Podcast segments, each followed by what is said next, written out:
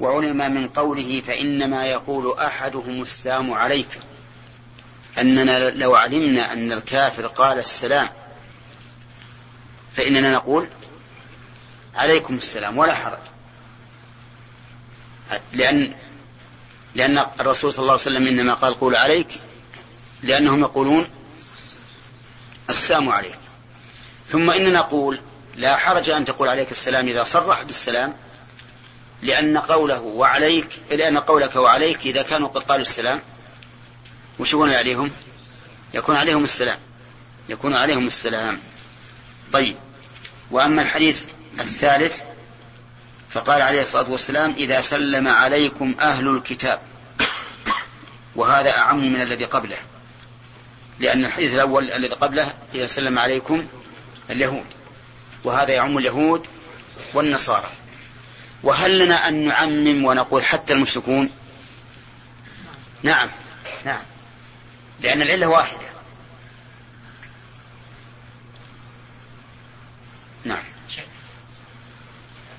هل يجوز لنا السلام على النصارى وترغيبهم في الإسلام. كي يا يا شيخ أنت أعلم مني بالنصارى. فهل أنت الآن تظن أن النصارى عندهم من اللين ولا سيما نصارى العرب؟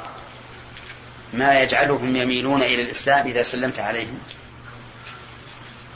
أبدا بالعكس. إذا سلمت عليهم قال هذا قد ذل لنا. يمكن غير العرب اللي ما يعرفون يمكن قد يكون أقرب للإسلام من العرب. يمكن يكون أقرب. المهم أننا لا نسلم عليهم أبدا. وإذا كنا نريد أن ندعوهم للإسلام ممكن نقول مرحبا أهلا. نعم. ويكفي يكفي في تلين قلوبهم. نعم. إيش؟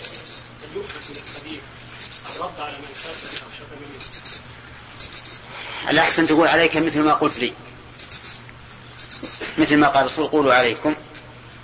ولا يجوز أصلا من, قوله تعالى وجزاء سيئات سيئات مثلها. يجوز. لكن الرسول صلى الله عليه وسلم دعا إلى الرفق. ولكل مقام مقال. ولا تظن أن الحكم في مسألة يكون كالحكم في كل المسائل. لا قد يختلف الأمر.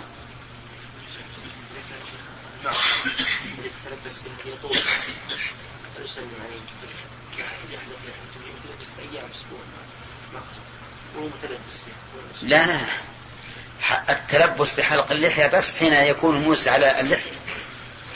حين يكون موسى على اللحية. أما إذا إذا راح. لا لا. حتى الدخان إذا إذا إذا خلص يصير رائحته وهذا ما نقول حلق اللحية. نقول هذا قد حلق لحيته أما ما نقول يحلق لحيته الآن. انتهى. وهذا أيضا رائحته وأسنانه إن كان تو جاء الزقارة من يومها رجك يخرج الدخان من من فمه. على كل حال فرق بين بين آثار المعصية وبين فعل المعصية. الحالق يقال إن هذا أثر حلقه وليس حلقة. كذلك الشارب رائحته مثل وأسنانه. نعم. آدم. لو قلنا كل اليهود هذا السلام ها؟ السلام عليكم. يعني اليهود والنصارى هذا يقولون هذا يمكن السلام بالنسبة للمسلمين. ممكن. لأن اليهود في عهد الرسول صلى الله عليه وسلم في اللي في المدينة عرب يتكلمون باللغة العربية. يعني يعرفونها قص وإلا عاد كلامهم فيما بينهم بالعبرية. ولهذا أمر النبي صلى الله عليه وسلم زيد بن ثابت أن يتعلم لغتهم. لكنهم يعرفون اللغة العربية. أخذنا ثلاثة. أربعة بعد؟ اسمحوا لآدم أجل باب من نظر في كتاب من يحذر من يحذر على المسلمين ليستبين أمره. حدثنا يوسف بن بطلون قال حدثنا ابن إدريس قال حدثني حسين بن عبد الرحمن عن سعد بن عن سعد بن عبيدة عن أبي عبد الرحمن السلمي عن علي رضي الله عنه قال بعثني رسول الله صلى الله عليه وسلم والزبير بن العوام وأبا مرثد الغنوي وكلنا وكلنا فارس. فقال انطلقوا حتى تأتوا روضة خاف فإن بها امرأة من المشركين معها صحيفة من حاطب بن أبي بلتع إلى المشركين. قال فأدركناها تسير على جمل لها حيث قال لنا رسول الله صلى الله عليه وسلم قال قلنا أين الكتاب الذي أين الكتاب الذي معك؟ قالت ما معي كتاب فأنخنا بها فابتغينا في رحلها فما وجدنا شيئا. قال صاحباي ما نرى كتابا قال قلت لقد علمت ما كذب رسول الله صلى الله عليه وسلم والذي يحلف به لنخرجن الكتاب. لإيش؟ لا لتخرجن. والذي يحلف به لتخرجن الكتاب أو لنجردنك قال فلما رأت الجد مني أهوت بيدها إلى حجتها وهي محتجزة بكساء فأخرجت الكتاب قال فانطلقنا به إلى رسول الله صلى الله عليه وسلم فقال ما حملك؟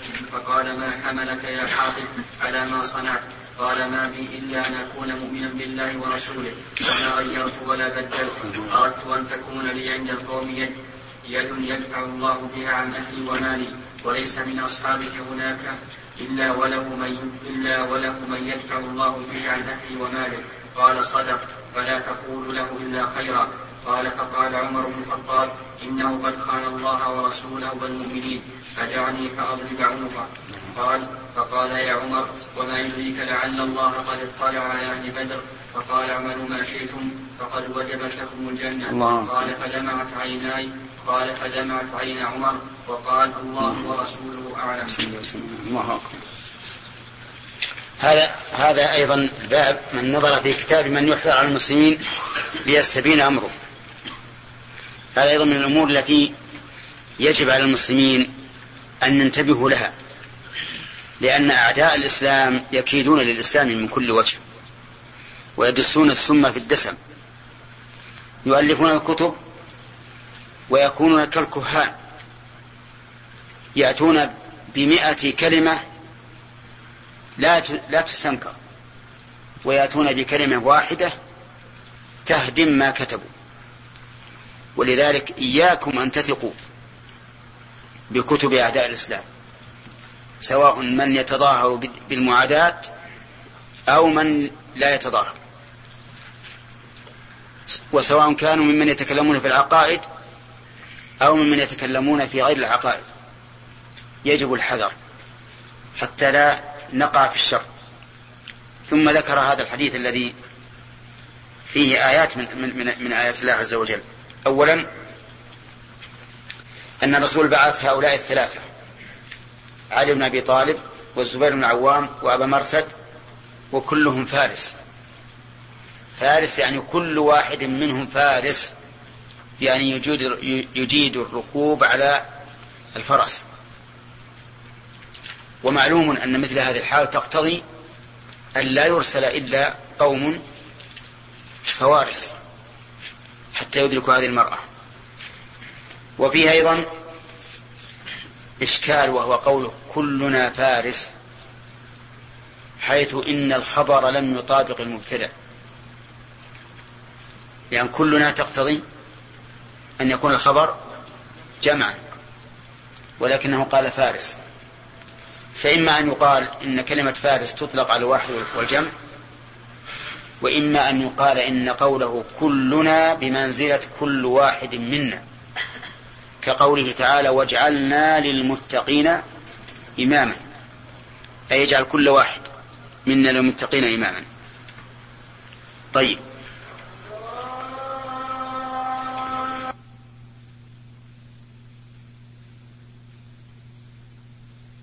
عليكم وأكرر وأكرر. على أن لا على أن فائدة العلم هو العمل. تعالى باب كيف يكتب إلى أهل الكتاب. حدثنا محمد بن مقاتل أبو الحسن قال أخبرنا عبد الله ما كملنا الحديث الأول. نعم. ها؟ هذا حق من؟ ابن أبي طالب رضي الله عنه أن الرسول صلى الله عليه وسلم بعثه والزبير بن عوام وأبا مرثد الغنوي إلى امرأة معها كتاب من حاطب ابن أبي بلتعة إلى المشركين. ولما أدركوها في المكان الذي عينه رسول الله صلى الله عليه وسلم أنكرت أن يكون معها شيء ولما عزموا عليها أخرجت الكتاب. ففيه من من الفوائد العظيمة آية من آيات النبي صلى الله عليه وسلم حيث أخبر عنها عن طريق الوحي. وفيه أيضا أنه ينبغي الإنسان إذا علم بالحق أن لا يلين أم أن لا يلين أمام الباطل بل يكون قويا وعازما فيه لأن الإنسان إذا عزم على الشيء فإن قبيله سوف ينهزم. لكن إذا انهزم ولو كان الحق معه فإنه يهزم. لأن السيف كما يقولون بضاربه. قد يكون مع شخص جبان سيف بتار. ولكنه إذا رأى الجبان إذا رأى الشجاع ومعه هذا السيف البتار انتفض وسقط السيف من يده. وقد يكون مع الشجاع سيف دونه ولكن يفلق به الهام فالسيف بضاربه فإذا كان معك الحق فاعزم ولا تلن ولا تتهاون. ولهذا لما عزم عزم علي بن أبي طالب عليها أخرج الكتاب. ومن فوائد هذا الحديث أنه يجوز قتل الجاسوس المسلم. يجوز قتل الجاسوس المسلم. فإذا علمنا أن هذا الرجل جاسوس لعدونا فإنه يجوز قتله. بل قد يجب أن يقتل. وذلك لأن النبي صلى الله عليه وسلم لم يذكر مانعا من قتل حاطب إلا أنه شهد بدرا. وشهادة بدر أخص من كونه مسلما. فالنبي عليه الصلاة والسلام لم يعلل بأنه مسلم بل علل بأنه شهد بدرا وهذه الميزة لا تحصل لغير من شهد بدرا. وعلى هذا فإذا علمنا أن هذا الشخص يتجسس للأعداء وجب علينا أن نقتله.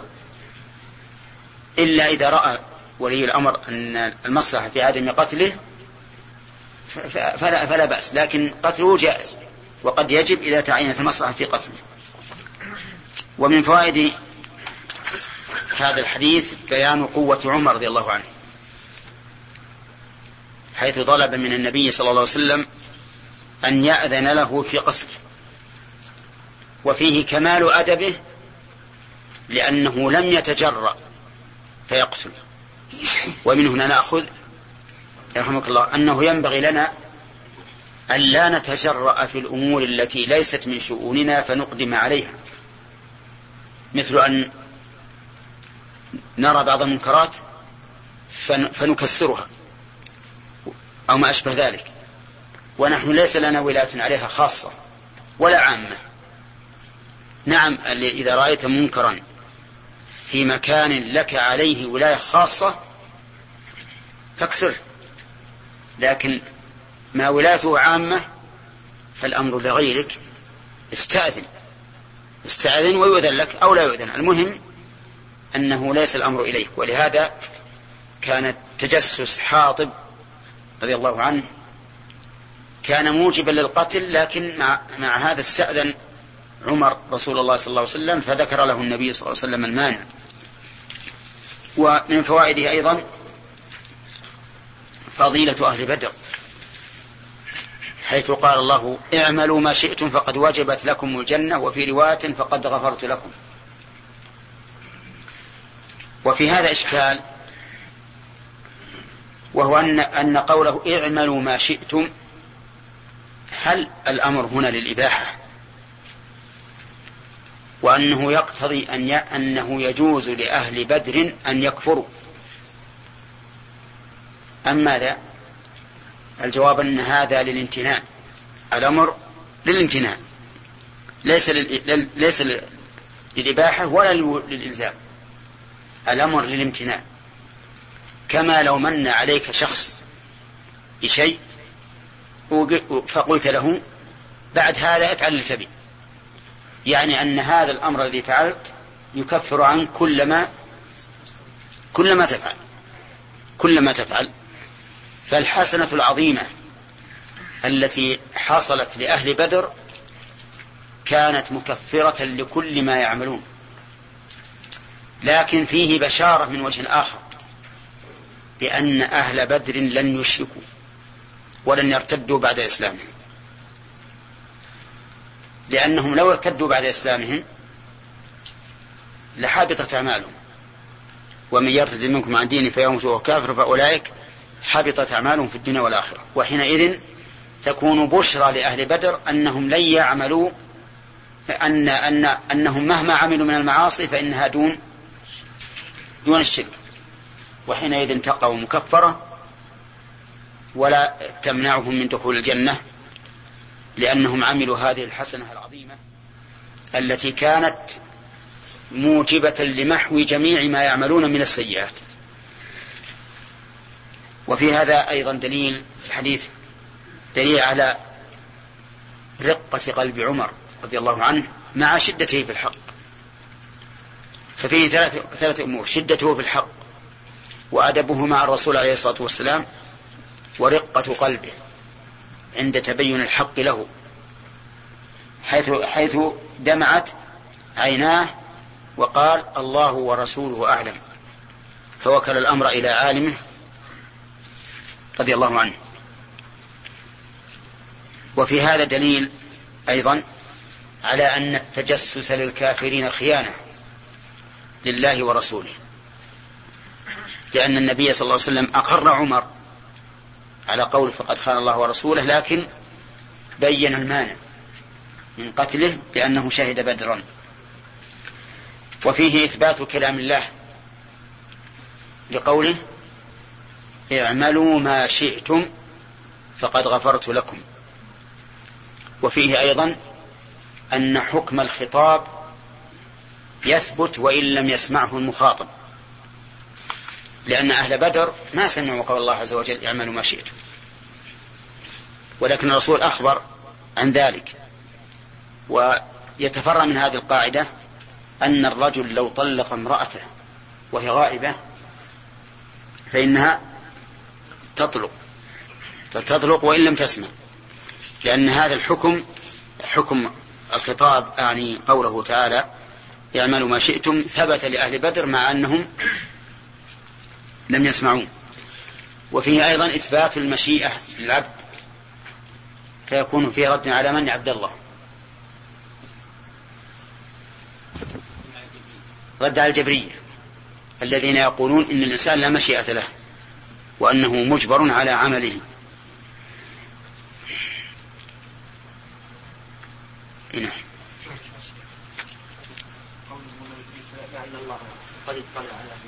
نعم.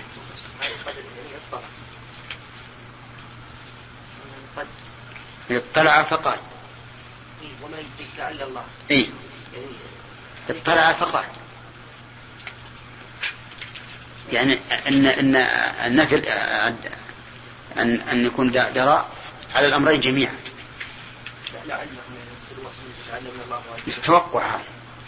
مثل وما يدريك لعل, لعل الساعة قريب. التوقع ثم إن الاطلاع أيضا اطلاع خاص وعام. فمثل قوله ثلاثة لا يكلمهم الله يوم القيامة ولا ينظر إليهم ولا يزكيهم. ليس هذا النظر العام. النظر العام لا يخفى على الله شيء. لكن هذا نظر نظر خاص. نعم. أحمد؟ في عفو الرسول صلى الله عليه وسلم عن هذا عن قال اولا صدق فلا تقول له الا خيرا نعم. حينما قال له اولا صدق فلا تقول له الا خيرا لا صدق حينما بين المبرر لفعله. نعم. ليس هذا سبب عفو الرسول لا لا. سبب العفو أنه اطلع إلى أهل بدر. نعم. يفهم من كتب الإمام البخاري جواز مطالعة كتب الفلاسفه يمكن. أقول يمكن. حتى لو لم نفهم هذا فهو يجب. يجب على على من كان عنده ثقة من نفسه وعلم إذا وجد كتاب مثلا منتشر من كتب الفلاسفة أو الملاحدة أو غيرهم من من من ال الذي حدث أخيرا لأن الإلحاد أصله واحد لكنه يتصور ويتلون حسب الوقت. فالإلحاد من أول الدنيا إلى آخرها واحد لكن يأتي بصور حسب ما تقتضيه الحال يغلف. بغلاف لا يستنكره أهل, أهل, أهل الوقت. ولا هو هو. لكن مثلا إذا كان في وقت يكرم الأدب فيه أو ما أشبه ذلك ويعتنى به جاء الإلحاد بصورة بصورة أدب. ظاهره رحمة وباطنه عذاب وإذا كان في في في منطق في يعني في مكان أو في زمن يعظم فيه المنطق جاء بصورة المنطق وهكذا. لكن أصله شيء واحد واللباس يكون على حسب الزمن. مثل ما نحن هنا في السعودية نلبس قميص وغترة وطاقية وفي بلاد أخرى يلبسون خلاف ذلك. اي نعم. باب باب كيف يكتب إلى الكتاب. حدثنا محمد بن مقاتل أبو الحسن. قال أخبرنا عبد الله قال أخبرنا يونس عن يونس عن الزهري قال أخبرني عبيد الله بن عبد الله بن عتبة أن ابن عباس اخبره أن ابن عباس أخبره أن أبا إيش؟ أن أن ابن عباس أخبره أن أبا سفيان بن حرب أخبره أن هرقل أرسل إليه في نفر من قريش وكانوا تجارا بالشام فأتوه فذكر الحديث قال ثم دعا بكتاب رسول الله صلى الله عليه وسلم فقرئ فإذا فيه بسم الله الرحمن الرحيم. من محمد عبد الله. من؟ من محمد عبد الله ورسوله. إله رب العظيم الروم. السلام على من اتبع الهدى. أما بعد. نعم. إذا إذا أردنا أن نكتب الكتاب إلى الكتاب نصنع كما صنع الرسول صلى الله عليه وسلم.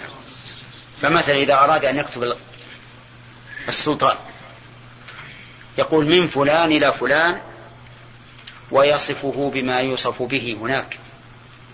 يعني ما يحط من قدره بل يصفه بما يوصف به هناك. من محمد عبد الله ورسوله صلوات الله وسلامه عليه. إلى هرقل عظيم الروم ولم يقل العظيم لأنه عظيم على قومه فقط. وليس له العظمة المطلقة.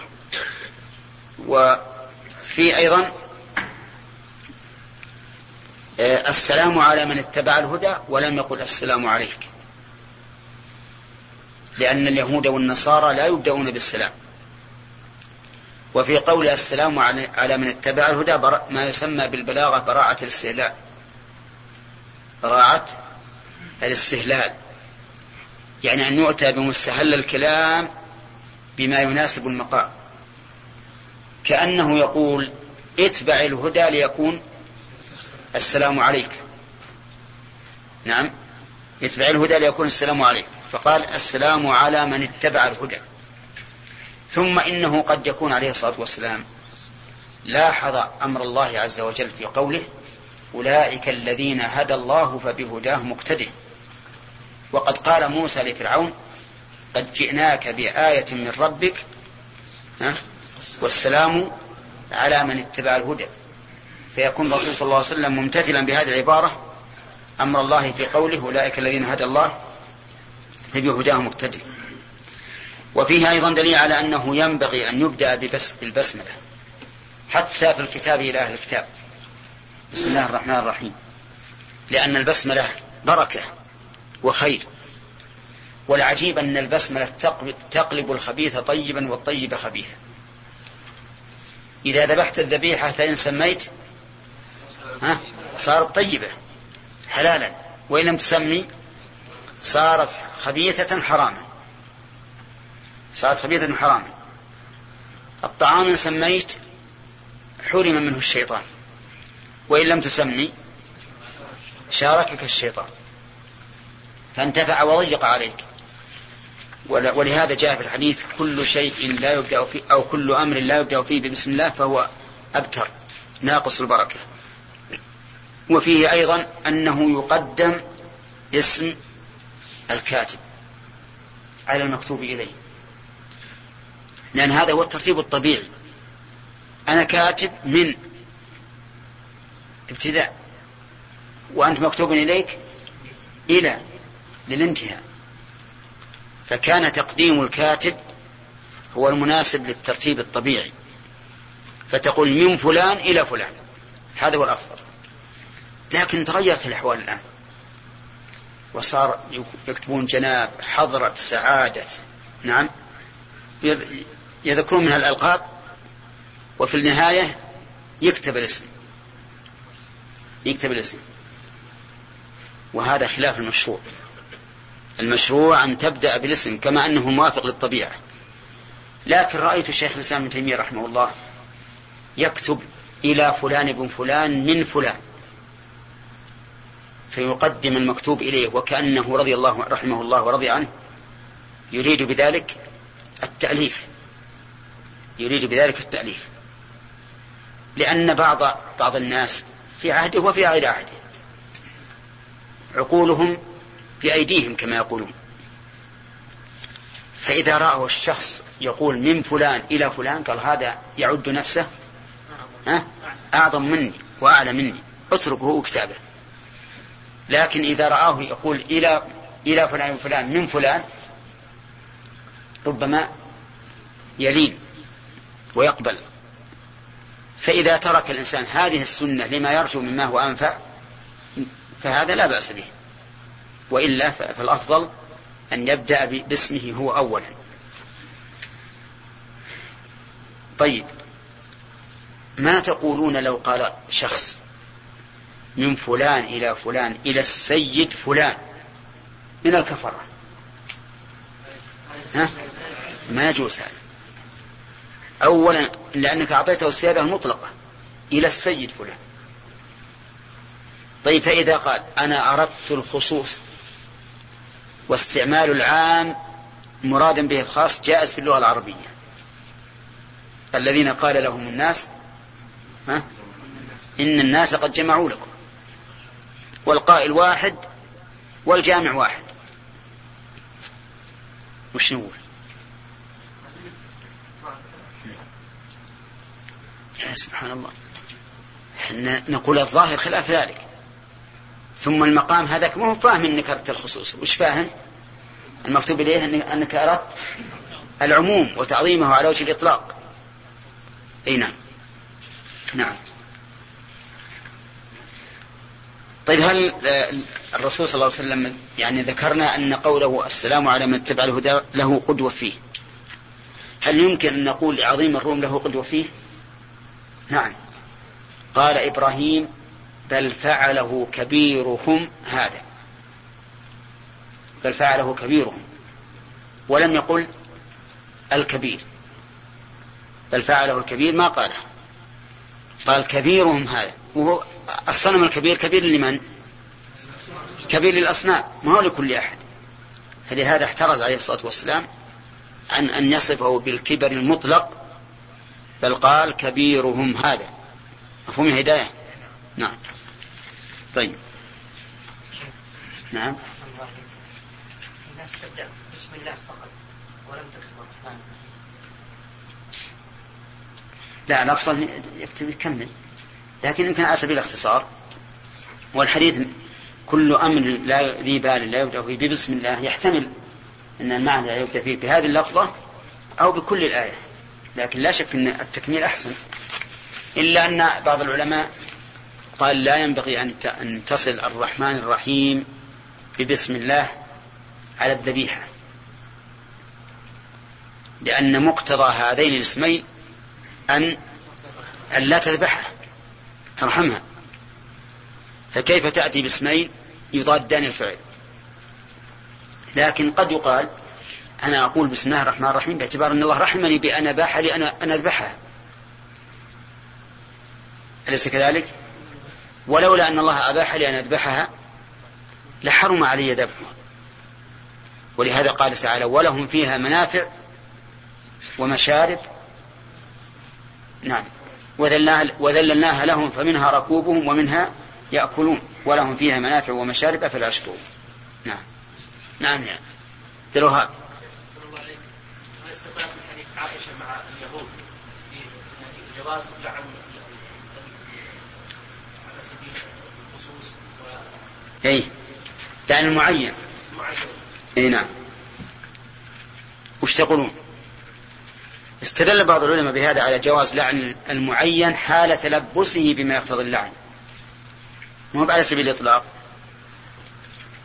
وبعضهم قال لا. إن عائشة أرادت بهذا الخبر. عليكم السام واللعنة. لأن الرسول قال لعنة الله على اليهود والنصارى. اتخذوا قبور أنبياء مساجد. ولكن كلا الأمرين فيه مناظر لأن ظاهر الحديث أن عائشة أرادت الدعاء ولكن يحمل على أن هذا من باب الغيرة لشدة غيرها لم غيرتها لم تملك نفسها. ولهذا أمرها النبي صلى الله عليه وسلم بالرفق. نعم. أخذت سؤال أظن. أخذت سؤال؟ طيب.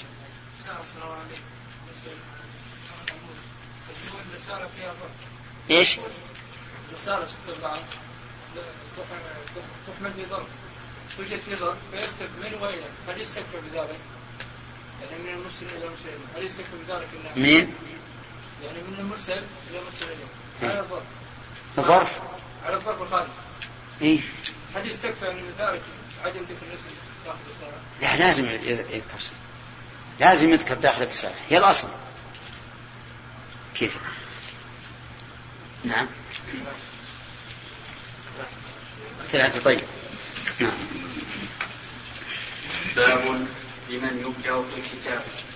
وقال الليث حدثني جعفر بن ربيعة عن عبد الرحمن بن هرمز عن أبي هريرة رضي الله عنه عن رسول الله صلى الله عليه وسلم أنه ذكر رجلا من بني إسرائيل أخذ خشبة فنقرها فأدخل فيها ألف دينار ألف دينار وصحيفة منه إلى صاحبه. وقال عمر بن أبي سلمة عن أبيه عن أبي هريرة عن أبي هريرة رضي الله عنه قال النبي صلى الله عليه وسلم نجر خشبة فجعل المال في جوفها وكتب إليه صحيفة من فلان إلى فلان إنما هذا هذا الحديث مثل الأول يعني يبدأ بمن؟ بالكاتب إلى المكتوب عليه إليه وفيه دليل على أن الإنسان إذا كتب صحيفة في وديعة له وديعة عنده لشخص فإنه اكتفى بذلك. يعني لو أن شخصا أعطاك دراهم قال خذ هذه عندك جلها عندك فاكتب ورقة فيها هذه لفلان. كما جاء في هذا الحديث. هل ساقه عندك؟ حديث مسوق.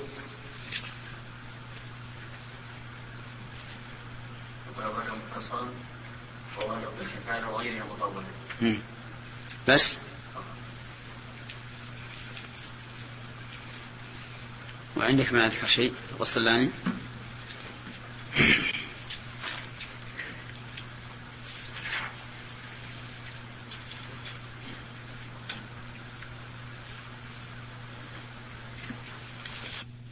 وهو النجاة كما مر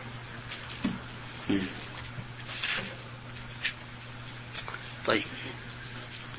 كفاية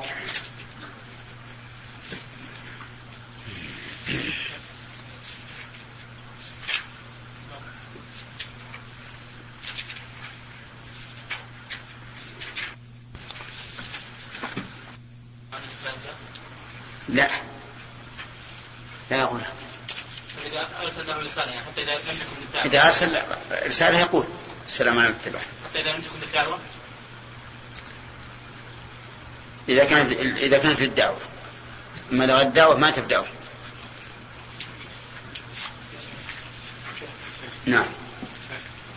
عبد الرحمن. مر بنا حديث عن النبي صلى الله عليه وسلم قال ما ذكر عن الله فاطلع على أهل الجنه فقام الموت من الجنه هل يشهد أهل الجنه يعني باشخاصهم لهم الجنه يقول كل أهل بدر كل أهل بدر مغفور لهم. كلهم وجبت لهم الجنة. كما جاء في الحديث. كما جاء في الحديث. وهم في الجنة سواء شهدت ما شهدت يا عبد الرحمن. إيه؟ اعتقادنا أعتقد إن كل أهل بدر في الجنة بس. نعم. باب قول النبي صلى الله عليه وسلم قوموا إلى سيدكم. حدثنا ابو الوليد قال حدثنا شعبة عن قال حدثنا شعبة عن سعد بن إبراهيم عن أبي أمامة بن سعد بن حنيف. عن أبي سعد رضي الله عنه أن أهل قريظة نزلوا على حكم سعد فأرسل النبي صلى الله عليه وسلم إليه فجاء فقال قوموا إلى سيدكم أو قال خيركم. فقال عند النبي صلى الله عليه وسلم. فقال هؤلاء نزلوا على حكمك. قال فإني أحكم أن تقتل مقاتلتهم وتسبى ذراريهم. فقال لقد حكمت بما حكم به الملك. الملك. فقال لقد حكمت بما حكم به الملك. قال أبو عبد الله أحكمني بعض أصحابي عن أبي الوليد من قول أبي سعيد إلى حكمك هذا أيضا قول النبي عليه الصلاة والسلام قوموا إلى سيدكم وكان المؤلف رحمه الله يشير إلى أن هناك فرقا بين قوموا لسيدكم وإلى سيدكم وقد ذكر أهل العلم أن هذه المسألة يعني القيام إما أن تتعدى بإلى أو باللام أو بعلى القيام يتعدى بإلى أو بعلى أو باللام. فإن تعدى بإلى فلا بأس به لأن النبي صلى الله عليه وسلم قال قوموا إلى سيدكم. وهذا يدل على أن المراد امشوا إليه. لأن إلى للغاية فلا بد من مغير. لا بد من مغير. فإذا قلت قم إلى فلان فمعناه أن فلان بعيد عنك. يحتاج إلى مشي. حتى ينتهي قيامك إليه. فهذا لا بأس به. فلو رأينا شخصا دخل الباب وقمنا ومشينا إليه فإن هذا جائز ولا بأس به. وإذا كان أهلا للإكرام كان إكرامنا إياه من الأمور المشروعة المسنونة. أن نستقبله عند الباب. إذا رأيناه. لأن النبي صلى الله, صلى الله عليه وسلم قال قوموا إلى سيدكم. ف وكان سعد بن معاذ رضي الله عنه قد أصابه سهم في أكحله في غزوة الخندق. ولمحبة النبي صلى الله عليه وسلم له ولشرف منزلته عنده أمر أن يضرب له خباء في المسجد. مسجد النبي صلى الله عليه وسلم. من أجل أن يعوده من قريب. لأن الرسول صلى الله عليه وسلم يحبه لأنه أهل لذلك رضي الله عنه. فدعا الله. قال اللهم لا تمتني حتى تقر عيني ببني قريظة. يقولوا في غزوة الأحزاب. فأقر الله عينه. وأنزلهم على حكمه. هم الذين اختاروا سعد بن معاذ. أن يحكم فيهم. وإنما اختاروه لأنه كان حليفهم. فظنوا أنه سوف يجعل يدا دونهم. وسوف يشفع لهم إلى رسول الله صلى الله عليه وسلم. لكنه رضي الله عنه لم تأخذه في الله لومة لائم لما جاء وقال حكم نافذ فيهم قالوا نعم. قال وعلى من ها هنا يشير إلى رسول الله صلى الله عليه وسلم. ولا ينظر إليه احتراما له. ما ينظر إلى الرسول احتراما له. قال وعلى من ها هنا؟ قال الرسول صلى الله عليه وسلم نعم. قال أحكم فيهم بكذا وكذا. كما ذكر البخاري. الشاهد قول الرسول صلى الله عليه وسلم قوموا إلى سيدكم الصورة الثانية أن تتعدى بعلى على فيقال قام على فلان. فهذا لا يجوز. نهى عنه الرسول صلى الله عليه وسلم إلا في مقام يغيظ فيه الأعداء. إلا في مقام يغيظ يغاض فيه الأعداء. ودليل ذلك أن الرسول صلى الله عليه وسلم قال لا تقوموا كما تقوم الأعاجم على ملوكها. حتى إنه في الصلاة لما صلى جالسا وكانوا قعودا أشار إليهم أن يجلسوا لئلا يقوموا على رأسه. فيصنعوا كما تصنع الأعاجم في ملوكها. لكن في غزوة الحديبية وهي في السنة السادسة من الهجرة كان المغيرة رضي الله بن شعبة رضي الله عنه قائما على رأس النبي صلى الله عليه وسلم وبيده السيف. من أجل إغاظة المشركين. لأن المشركين كانوا يراسلونه يرسلون إليه الرسل للمفاوضة. فكان الصحابة يفعلون شيئا لم يكونوا يفعلونه, يفعلونه في غير هذه الحال. كان الرسول إذا إذا تنخم نخامة تلقوها بأيديهم فجعلوا يدلكون بها صدورهم ووجوههم. وما كانوا يفعلون هذا لكن من أجل إغاظة المشركين لأجل يروحون لقومهم يقولون رأينا ورأينا. وإذا توضأ كادوا يقتتلون على وضوئه. ولهذا أثرت فيهم. لما رجع إليهم رسولهم إلى قريش قال والله لقد دخلت على الملوك وكسرى وقيصر والنجاشي فلم أرى أحدا يعظمه أصحابه مثل ما يعظم أصحاب محمد محمدا. شوف سبحان الله العظيم. فأثر فيهم. فالحاصل أنه إذا كان فيه إغاظة الأعداء القيام على الشخص فلا بأس به. كما فعل المغيرة بن شعبة مع رسول الله صلى الله عليه وسلم. وفي هذا دليل يا إخواني على أن إغاظة أعداء الله محبوبة إلى الله. يجوز مثل هذه الحال. ويجوز للإنسان أن يمشي الخيلاء أمام أعداء الله. مع أن الخيلاء من كبائر الذنوب حرام.